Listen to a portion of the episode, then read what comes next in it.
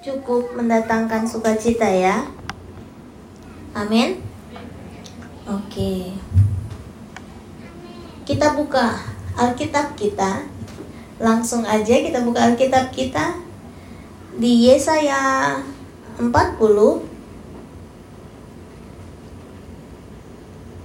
ayat 31.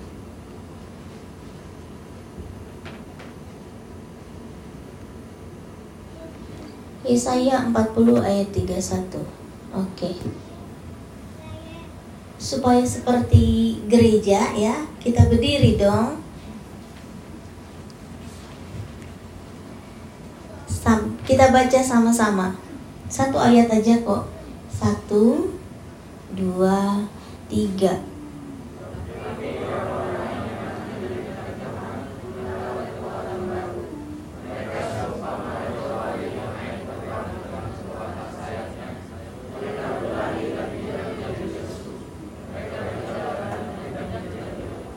Amin, silahkan duduk.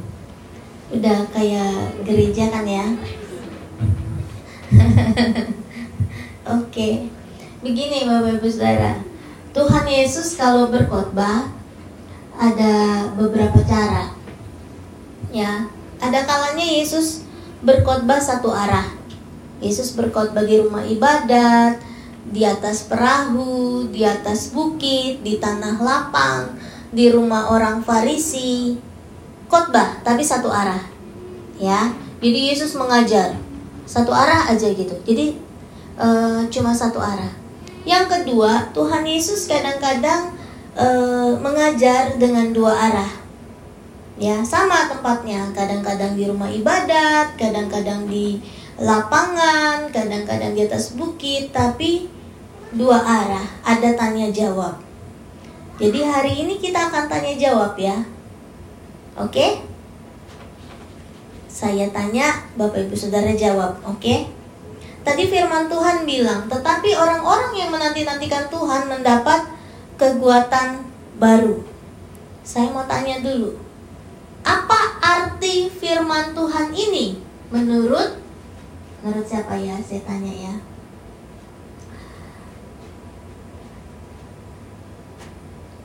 Menurut Om Ivan deh, apa arti ayat ini?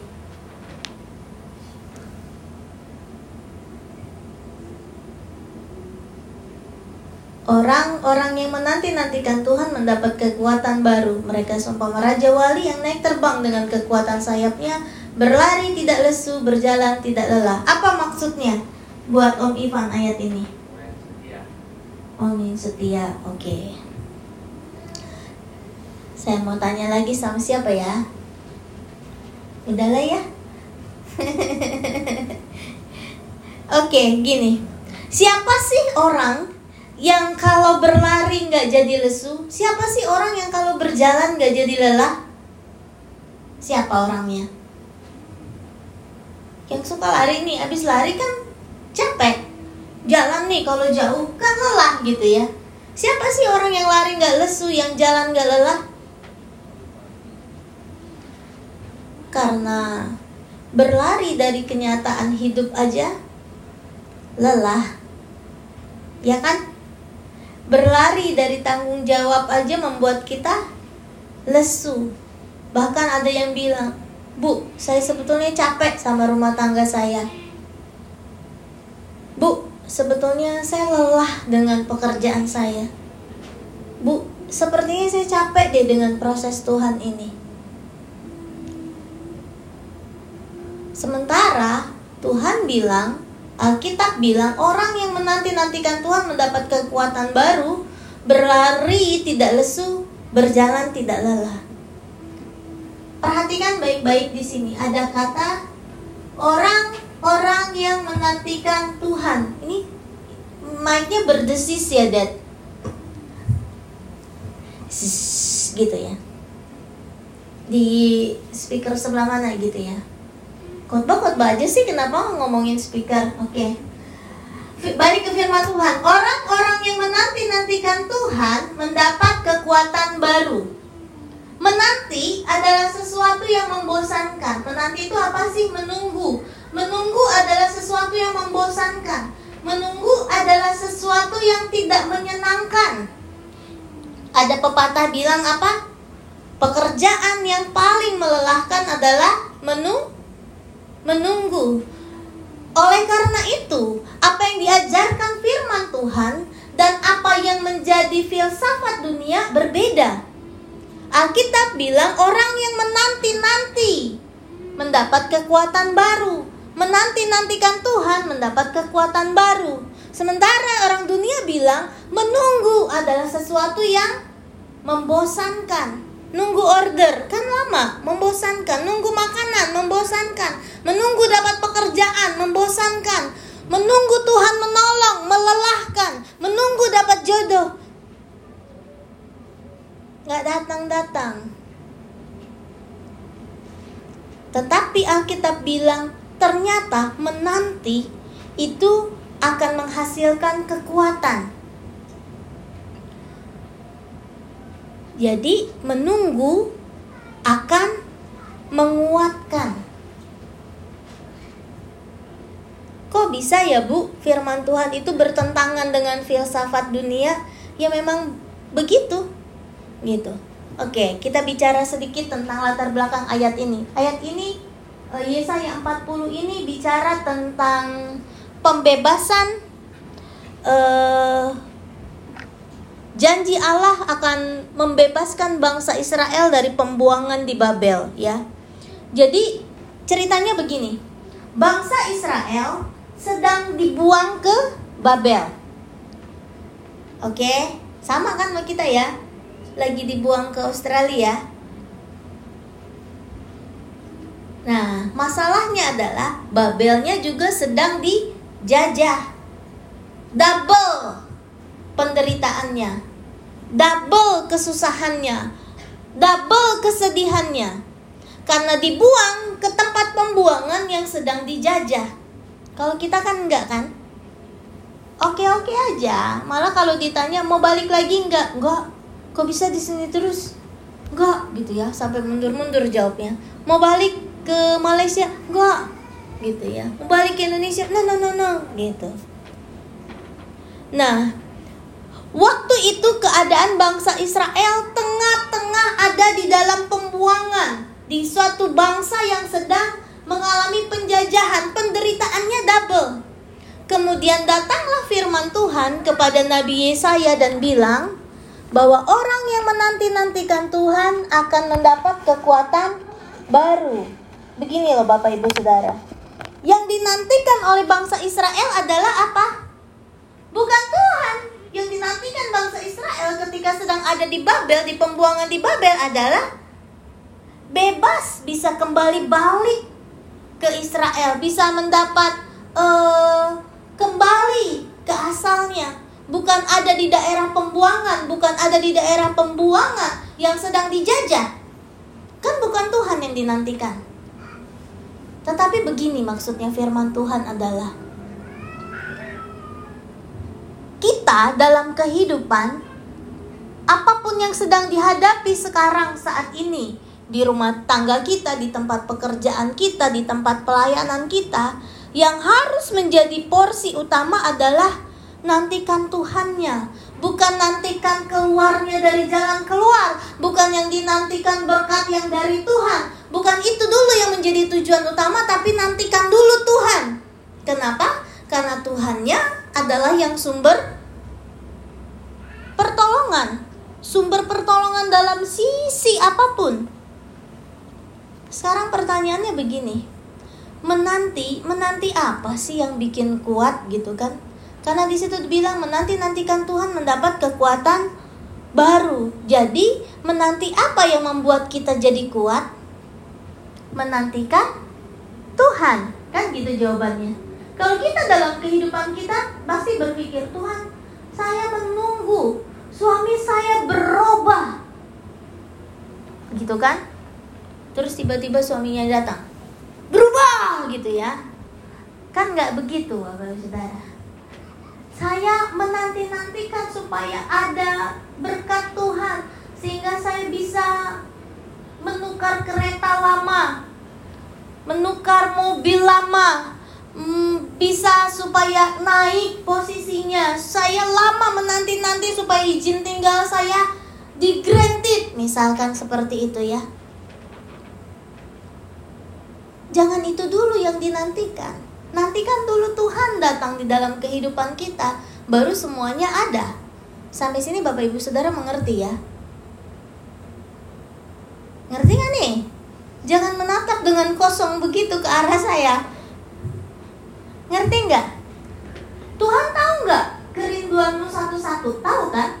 Aduh Tuhan saya capek sama suami saya. Aduh saya capek sama anak saya. Aduh saya capek nih jomblo terus. Aduh saya capek nih nunggu izin tinggal nggak granted granted. Saya capek nih bekerja banting tulang bagai kuda gitu ya. Kapan sih Tuhan tolong semuanya ini selesai? Tuhan bilang jangan pikirin itu. Aku tahu. Alkitab bilang sebelum engkau memintanya aku sudah tahu.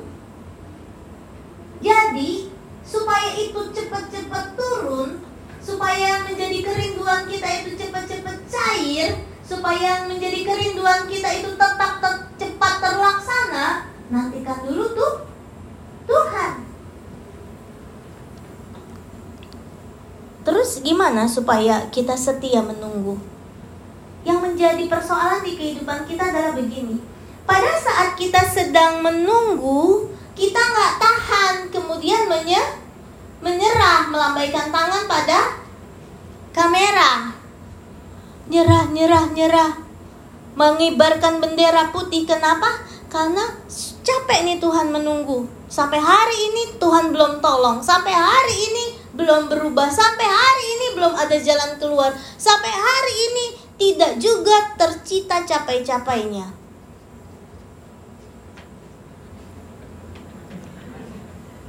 tercapai cita-citanya.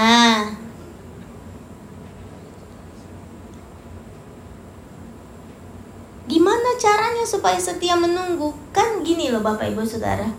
Uh, supaya kita bisa setia menunggu yang dijanjikan Tuhan, janjikan sesuatu yang pasti, tetapi belum tahu kapan waktu tepatnya. Setuju nggak nih? Pertolongan Tuhan, sesuatu yang pasti, tetapi kita tidak tahu kapan tepat turunnya, datangnya, ya kan?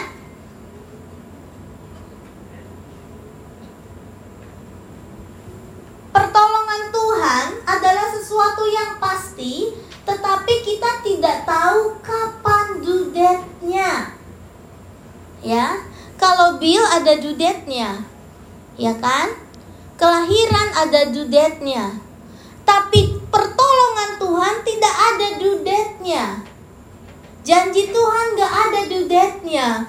Bahkan ketika Tuhan bilang, aku akan datang yang kedua kali menjemput engkau di awan-awan yang permai. Kapan waktunya? Tidak ada seorang pun yang tahu. Firman Tuhan hari ini mengajar kita untuk tetap percaya pada Tuhan di fase menunggu. Tetap percaya pada Tuhan di fase menunggu. Pertanyaannya sampai kapan menunggu? Kan gitu. Ada kalanya Tuhan membiarkan kita menunggu sampai waktunya Tuhan tiba. Saya kasih contoh begini deh ya. Pernah lihat quote ya di Facebook, di Instagram, di internet, di mana lah yang bilang begini Abraham menunggu janji Tuhan 25 tahun. Pernah lihat itu nggak sih? Kuat yang kayak gitu. Terus apa lagi? Siapa menunggu janji Tuhan 10 tahun? Siapa menunggu janji Tuhan 5 tahun? Saya nunggu berapa tahun ya? Gitu. Ketika kita baca quote itu, kita bilang, ih, itu mah Abraham, saya nggak mau menunggu selama itu 25 tahun. Ini yang paling lama ya. Abraham dan Sarah menunggu sampai 25 tahun baru janjinya digenapi. Ini yang paling lama nih. Ini ayat tertulis di kitab kejadian. Memang lama, jadi lama lah itu. Perjanjian lama, jadi lama lah ya kan? Berikutnya deh, yang lebih makin ke sini makin cepet loh Bapak Ibu Saudara. Perhatikan baik-baik. Kita perjanjian lama ketika dijanjikan lama. Tapi di perjanjian baru kisah-kisahnya seketika itu juga sembuh. Sembuhlah dia gitu ya. Itu makin lama makin cepet dan kita sukanya yang cepet-cepet kan. Di satu Raja-Raja 17 Elia ketika dibilang, "Aku akan tidak menurunkan embun dan hujan di tanah ini. Sampai kapan? Sampai aku mengatakannya supaya turun. Yang jadi pertanyaan adalah, kapan Tuhan akan berkata, oke okay, hari ini turun hujan? Tidak ada yang pasti. Itu raja-raja, udah mulai makin cepet ya. Di kejadian 25 tahun ya, di Raja-Raja 17 mulai cepet nih. Tuhan memang tidak bilang, Waktu Tuhan bilang sama Abraham dan Sarah, aku akan memberikan keturunan. Mereka menunggu sampai 25 tahun baru lahir Ishak. Di raja-raja Tuhan juga bilang, aku gak akan turunin hujan sampai aku mengatakannya. Aku tidak akan menurunkan embun sampai aku mengatakannya. Kan ya di pertanyaan kapan ini ya? Berapa lama baru hujan turun? Jangan malu-maluin saya dong nih ya. Kan udah pernah sering dikotbahin nih Elia. Berapa setengah tahun nih? Udah ada kata setengahnya lagi. Berapa tahun setengah Gak turun hujan di Israel di zaman Elia? Haleluya. Bapak ibu saudara Nanti Tanggal 30 Ada musda, ada KKR ya. Terus hari Sabtu minggunya mereka pendeta-pendeta itu yang khotbah. Kalau ditanya jawab ya. Jangan malu-maluin gembalanya nih. Tiga setengah tahun. Ye mulai makin cepet kan oh panas. Kemarau tidak ada embun tidak ada hujan tiga setengah tahun. Itu pun bangsa Israel menanti-nantikan dalam ketidakpastian. Tidak tahu kapan sampai Allah mengatakannya. Suka-suka Allah Orang Allah yang menciptakan dunia, Allah yang punya segala isi dunia kan? Tiga setengah tahun menanti dalam ketidakpastian. Nah di kitab perjanjian baru kita suka yang cepet-cepet ya. Tuhan tolong saat itu juga Tuhan tolong. Tuhan sembuhkan saat itu juga sembuh. Nah Bapak Ibu Saudara uh, Yesus ketika berjalan di atas air waktu itu kejadiannya gimana ya? Dan tadi saya udah bilang ya ini tanya jawab nih uh, firman Tuhan hari ini. Yesus waktu itu memerintahkan murid-muridnya, hei murid-muridku nyebrang duluan ya sana, naik kereta, eh, naik kereta, naik perahu nyebrang duluan ya, iya. Dan ketika mereka ada di dalam perahu terjadi angin ribut, angin sakal, angin yang bertiup dengan kencang sehingga perahunya goncang hampir terbalik. Lalu Yesus datang. Nggak nunggu terbalik dulu ya. Nggak nunggu kelelep semua baru datang. Yesus datang. Ini lebih cepat. Tetapi ketika murid-murid Yesus ada di dalam perahu, mereka menantikan pertolongan Tuhan, mereka juga bertanya dalam hati begini, Lord Jesus, Tuhan Yesus, aku udah taat nih, kami sudah taat nih, ketika engkau suruh kami menyeberang duluan, kami kan nyebrang duluan nih, nggak menunda. Tetapi kenapa ketika kami taat, di tengah-tengah danau terjadi angin ribut yang berat, sehingga hampir terbalik dan hampir mati semua murid-muridnya. Puji Tuhan, cuma hampir tidak sampai mati. Yesus tahu, Yesus langsung datang. Yesus datang mau ngapain? Yesus datang mau ngapain? Yesus datang ke perahu murid-muridnya mau ngapain? Jawab apa? mau ngapain supaya saya merasa didengarkan nih kadang-kadang kan matanya ke depan pikirannya melayang ke mana orang ngapain sih gitu ya saya ngapain sih di sini siapa saya gitu ya. Jadi Yesus datang ke perahu murid-muridnya mau ngapain? Hah? Ih, masih nggak dijawab juga. Mau ngapain? Mau menolong. Iya, dia mau menolong. Yesus mau menolong sambil pamer. Yesus mau nolong sambil pamer. Cuma Tuhan kita yang suka pamer. Ya. Tuhan-Tuhan yang lain jarang sekali pamer ya. Tuhan kita pamer. Ngapain coba di jalan di atas air? Mau pamer, hei, gitu. Aku bisa jalan di atas air, gitu. Mau kasih lihat bahwa dia mampu melakukan segala yang dianggap mustahil. Supaya murid-muridnya tahu betul loh memang gak ada yang mustahil. Jalan dia di atas air. Petrus bilang ayo e, kalau itu engkau Tuhan aku mau ke menghampirimu. Ayo sini. Ayo. Mau ngapain bilang ayo? Mau kasih lihat sama murid-muridnya. Ada lagi nih aku jalan di atas air. Petrus juga bisa. Mau ngapain itu? Mau pamer saya mau bilang hari ini Tuhan kita Tuhan yang suka memperlihatkan kuasanya. Bahasa saya jelek mungkin ya. Tuhan kita Tuhan yang mau memamerkan kuasanya kepada kita murid-muridnya, kepada kita umatnya. Tetapi syaratnya adalah belajar sabar menunggu sampai waktunya Tuhan tiba. Banyak dari kita nggak mau sabar menunggu sampai waktunya Tuhan tiba, sehingga tidak melihat Yesus berjalan di atas air, sehingga tidak ada anak yang lahir dari kandungannya Sarah, sehingga hujan tidak turun di Israel setelah tiga setengah tahun. Kenapa? Karena tidak sabar pada saat menunggu. Sudah kelelahan, kekuatannya tidak ada lagi, sehingga jangankan berlari, jangankan berjalan, ngesot aja udah lelah.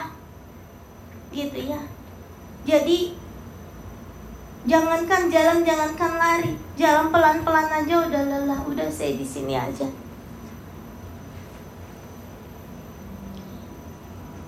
Tadi pujian sebelum firman bilang begini. Jesus I believe in you.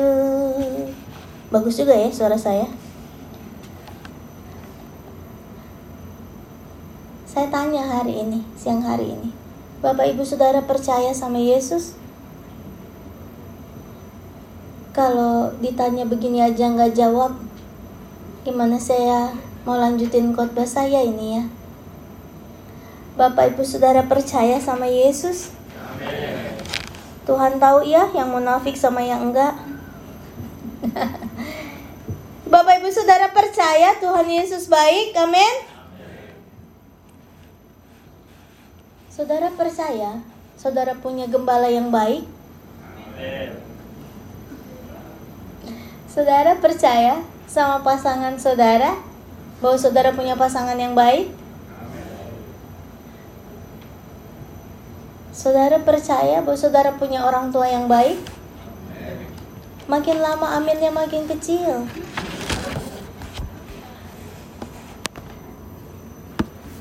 Tahu nggak sih Bapak Ibu Saudara yang saya mau bilang begini?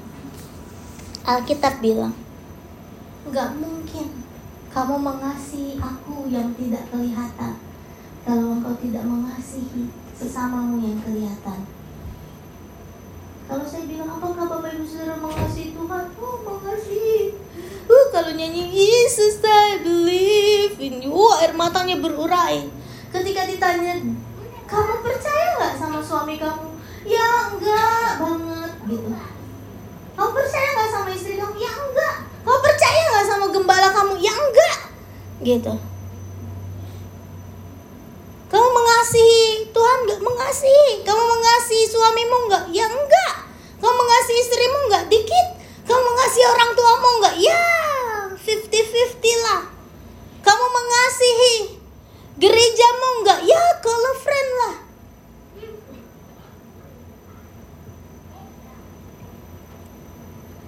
Mungkin ada di antara ibu-ibu yang bilang begini, eh, Ibu Dewi mah enak. punya suami yang rajin, rendah hati, sabar, ganteng, setia. Kita puji-puji dia dulu ya. Enak. Coba tanyanya sama Bu Dewi. Bu Dewi beneran enak gak sih? Saya akan mengatakan hal-hal yang banyak negatifnya. Saudara ngerti maksud saya? Terus ada bapak-bapak yang bilang, wah Pak Krisna enak. Ibunya pintar, cantik, cerdas, suka menolong, murah hati, bertanggung jawab. Coba tanya sama Pak Krisnonya. Pak Krisno akan punya jawaban tiga kali folio bolak-balik kekurangannya Bu Dewi. Mengerti maksud saya? Ngerti nggak maksud saya? Terus ada di antara bapak ibu saudara bilang, ih enak ya Ken itu maminya sabar, dedinya sabar, nggak pernah marah dan sebagainya. Tanya sama Ken, enak gak punya orang tua Pak Krisno dan Bu Dewi? Dia pasti jawab enak. Boleh dong sombong ya, orang anak yang nggak ada di sini.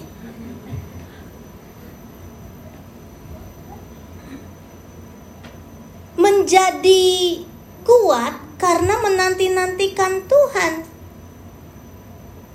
Begini loh Bapak Ibu Saudara. Kita tuh mesti mengerti bahwa hubungan kita dengan Tuhan itu direfleksikan dari hubungan kita dengan pasangan kita. Kita dengan Tuhan direfleksikan dari hubungan kita dengan orang tua. Hubungan kita dengan Tuhan direfleksikan dengan hubungan kita terhadap gembala. Keras ya. Hari ini iya sih. Ya mau gimana lagi, memang harus keras. Supaya melek matanya. Bapak Ibu Saudara tidak bisa berkata bahwa aku mengasihi Tuhan kalau engkau tidak mengasihi suamimu, nggak bisa mengatakan aku mengasihi Tuhan. Kalau nggak mengasihi anak-anakmu, nggak mengasihi orang tuamu, tidak mengasihi gembalamu. Karena Tuhan bilang nggak mungkin. Tuhan tuh nggak kelihatan. Tuhan tahu segalanya, tapi dia nggak kelihatan. Orang tuamu nggak tahu segalanya, pasanganmu nggak tahu segalanya, Gembalamu nggak tahu segalanya. That's why kita sering kali bentrok dengan pasangan, bentrok dengan orang tua, bentrok dengan gembala. Kenapa? Karena mulai tidak percaya dan tidak ada Tuhan di dalamnya.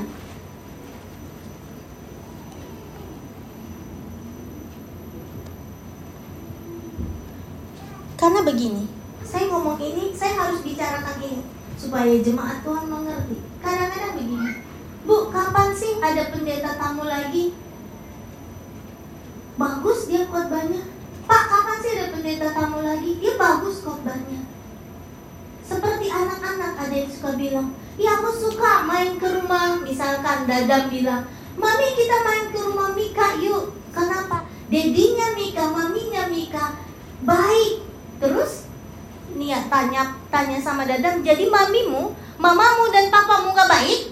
Gitu ya. Ngerti gak maksud saya?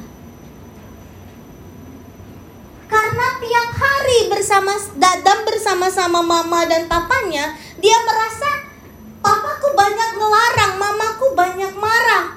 Tetapi pada saat dia main ke rumah Mika, dia akan bilang, oh dedinya Mika baik, maminya Mika baik. Padahal yang kasih makan tiap hari siapa? Bapak Amin. Yang tepuk-tepuk pantatnya dadam supaya tidur tiap malam siapa? Mama Nia. Faham sampai sini? Kadang-kadang kita melihat, wow. Sementara Mika sendiri bilang, ayo mami kita ke rumah Oma Devi sama Opa Krisno. Opa sama Oma Devi baik. Kenapa? menurut dia baik karena kalau ketemu dikasih gula-gula. Padahal sekali lagi yang kasih makannya Mika siapa? Dedi Mika yang kasih uh, Mika tidur siapa maminya Mika sampai tepuk-tepuk sampai maminya ngantuk baru dia tidur saudara ngerti maksudnya sering kali jadi begini hari ini saya mau bilang begini seburuk apa pun pasanganmu itulah yang Tuhan kasih engkau tidak bisa bilang mengasihi Tuhan kalau tidak mengasihi pasanganmu. Engkau tidak bisa bilang aku mengasihi Tuhan, kau tidak mengasihi orang tuamu. Engkau tidak bisa mengasihi Tuhan, kau tidak mengasihi gembalamu yang cantik ini. Jangan kan orang tua sebagai orang tua kita sedih. Kalau anak kita bilang mami aku mau main ke sana di sana lebih enak di sana banyak makanannya di sana bebas bisa ngapain aja. Maminya ngerasa sedih orang tuanya merasa sedih. Aku tuh wong kok ngene kok dibanding-banding ke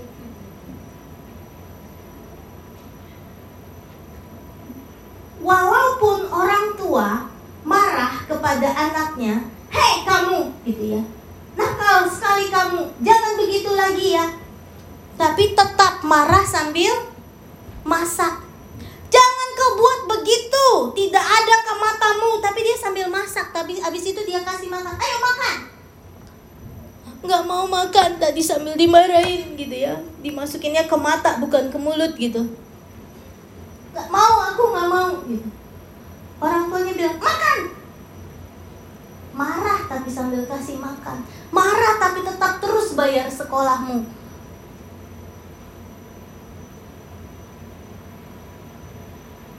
Marah tapi terus memperhatikan hidupmu. Itulah Tuhan sama kita. Kita sering memandang sesama kita ih dia nggak baik ih itu nggak baik ih dia jahat ih kamu nggak betul dalam kehidupannya. Saya mau tanya sekarang seberapa suci hidupmu dan hidupku di hadapan Tuhan? Nggak suci-suci amat nggak benar-benar amat tapi kenapa Tuhan terus tidak henti-hentinya melimpahkan kasih dan kemurahan dalam hidupmu karena apa karena Tuhan mengasihi kita. Karena orang tua mengasihi anaknya, karena pasangan mengasihi pasangannya. Karena gembala mengasihi jemaatnya. Kalau kita punya hubungan yang manis dengan pasangan kita, dengan orang tua kita, dengan gembala kita, mudah buat kita sabar menunggu Tuhan sehingga sabar menanti-nantikan pertolongan Tuhan. Sampai pertolongan Tuhan turun kita sanggup sabar. Karena kadang-kadang waktu kita menunggu kita bilang ah kayaknya Tuhan nggak tolong saya cari jalan keluar sendiri. Ah kayaknya uh, gembala saya nggak peduli saya cari gembala yang lain oh kayaknya mama saya nggak peduli sama hidup saya saya cari lagi jalan keluar yang lain Padahal tidak ada orang tua yang tidak mempersiapkan yang terbaik buat anaknya. Tidak ada gereja yang tidak mempersiapkan apa yang terbaik buat jemaatnya. Tidak ada dalam rancangan Tuhan supaya semua orang celaka. Karena firman Tuhan bilang apa aku nggak mau satu orang pun binasa. Makanya kenapa Tuhan masih kasih terus berkat, masih kasih terus pertolongan, masih terus luputkan kita dari mara bahaya. Kenapa? Karena Tuhan masih kasih waktu kita balik kepada Tuhan, sabar sampai waktunya Tuhan tiba. Sering kali pertolongan belum datang kita sudah pergi, pertolongan belum datang kita sudah lari. Sama seperti kita menanti-nantikan kapan sih suamiku baik hati, romantis, sweet dan sebagainya. Suaminya sedang berusaha apa ya? apa ya? Apa ya? Dia sedang berusaha oke okay, dia pergi ke toko bunga dan mau beli bunga. Tapi ketika dia bawa bunga kitanya sudah pergi bawa koper. I'm sorry goodbye. Terlambat. Kenapa? Nggak nggak belajar menanti-nantikan dan percaya dalam masa penantian itu adalah kekuatan kita. Orang-orang yang menantikan Tuhan mendapat kekuatan baru. Kita akan seperti Raja Wali naik terbang dengan kekuatan sayapnya. nantikan Tuhan terus. Jangan sampai kita berhenti sebelum Tuhan menolong. Jangan sampai kita berhenti sebelum keluarga kita pulih. Jangan sampai kita berhenti sebelum gereja kita menghasilkan yang baik. Jangan sampai kita berhenti melakukan menantikan Tuhan sampai orang tua kita mengerti arti kasih karunia.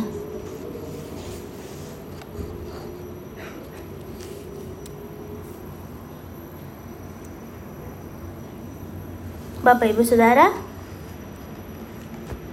hari ini menantikan Tuhan ada kekuatan baru dalam kehidupan kita. Tapi belajar dalam masa menantikan itu. Dalam masa menanti itu, kita bisa menjadi kuat kalau yang kita nantikan Tuhan, kalau kita percaya sama Tuhan. Jadi gini kesimpulannya. Menantikan Tuhan akan mendatangkan kita nantikan itu bukan jalan keluarnya, bukan jawabannya, tapi Tuhan yang dinantikan. Yang kedua, dalam masa menanti itu, percaya terus sama Tuhan. Dan saya mau bilang hari ini, engkau tidak bisa bilang percaya sama Tuhan kalau engkau tidak percaya kepada pasanganmu, kalau engkau tidak percaya kepada orang tuamu, kalau engkau tidak percaya kepada gembalamu, kalau engkau tidak percaya kepada gerejamu, kalau engkau tidak percaya kepada anak-anakmu. Saya belajar percaya sama anak saya. Mami, aku nggak suka matematika. Ya udah gimana? Berdoa supaya gurunya ganti ya. Berdoa. Gurunya ganti. Oke, gurunya udah ganti gimana nih? Oke, gurunya menyenangkan. Aku bakalan kasih tahu mami. Bu, aku bisa matematika. Hasilnya bagus. Semester ini nilai dia bagus 79 dia kasih ke saya dengan bangganya saya belajar percaya sama anak saya. Supaya saya bisa bilang sama Tuhan Tuhan saya juga percaya sama Tuhan. Karena nggak mungkin saya bilang saya percaya sama Tuhan kalau saya nggak percaya sama anak saya? Saya nggak mungkin bilang saya percaya sama Tuhan kalau saya nggak percaya sama suami saya? Saya nggak akan bisa bilang saya percaya sama Tuhan kalau saya nggak percaya sama anak-anak saya yang ada di kedai? Saya nggak akan bisa bilang saya percaya sama Tuhan kalau saya tidak percaya kepada jemaat bahwa jemaat mengasihi saya. Menantikan Tuhan, nantikan Tuhan dalam kepercayaan bahwa Allah sungguh-sungguh ada dalam kehidupan kita. Refleksikan kasih kita kepada Allah lewat sesama kita. Firman Tuhan sampai di sini. Saya undang pemusik maju singer kita nyanyikan lagu yang terakhir tadi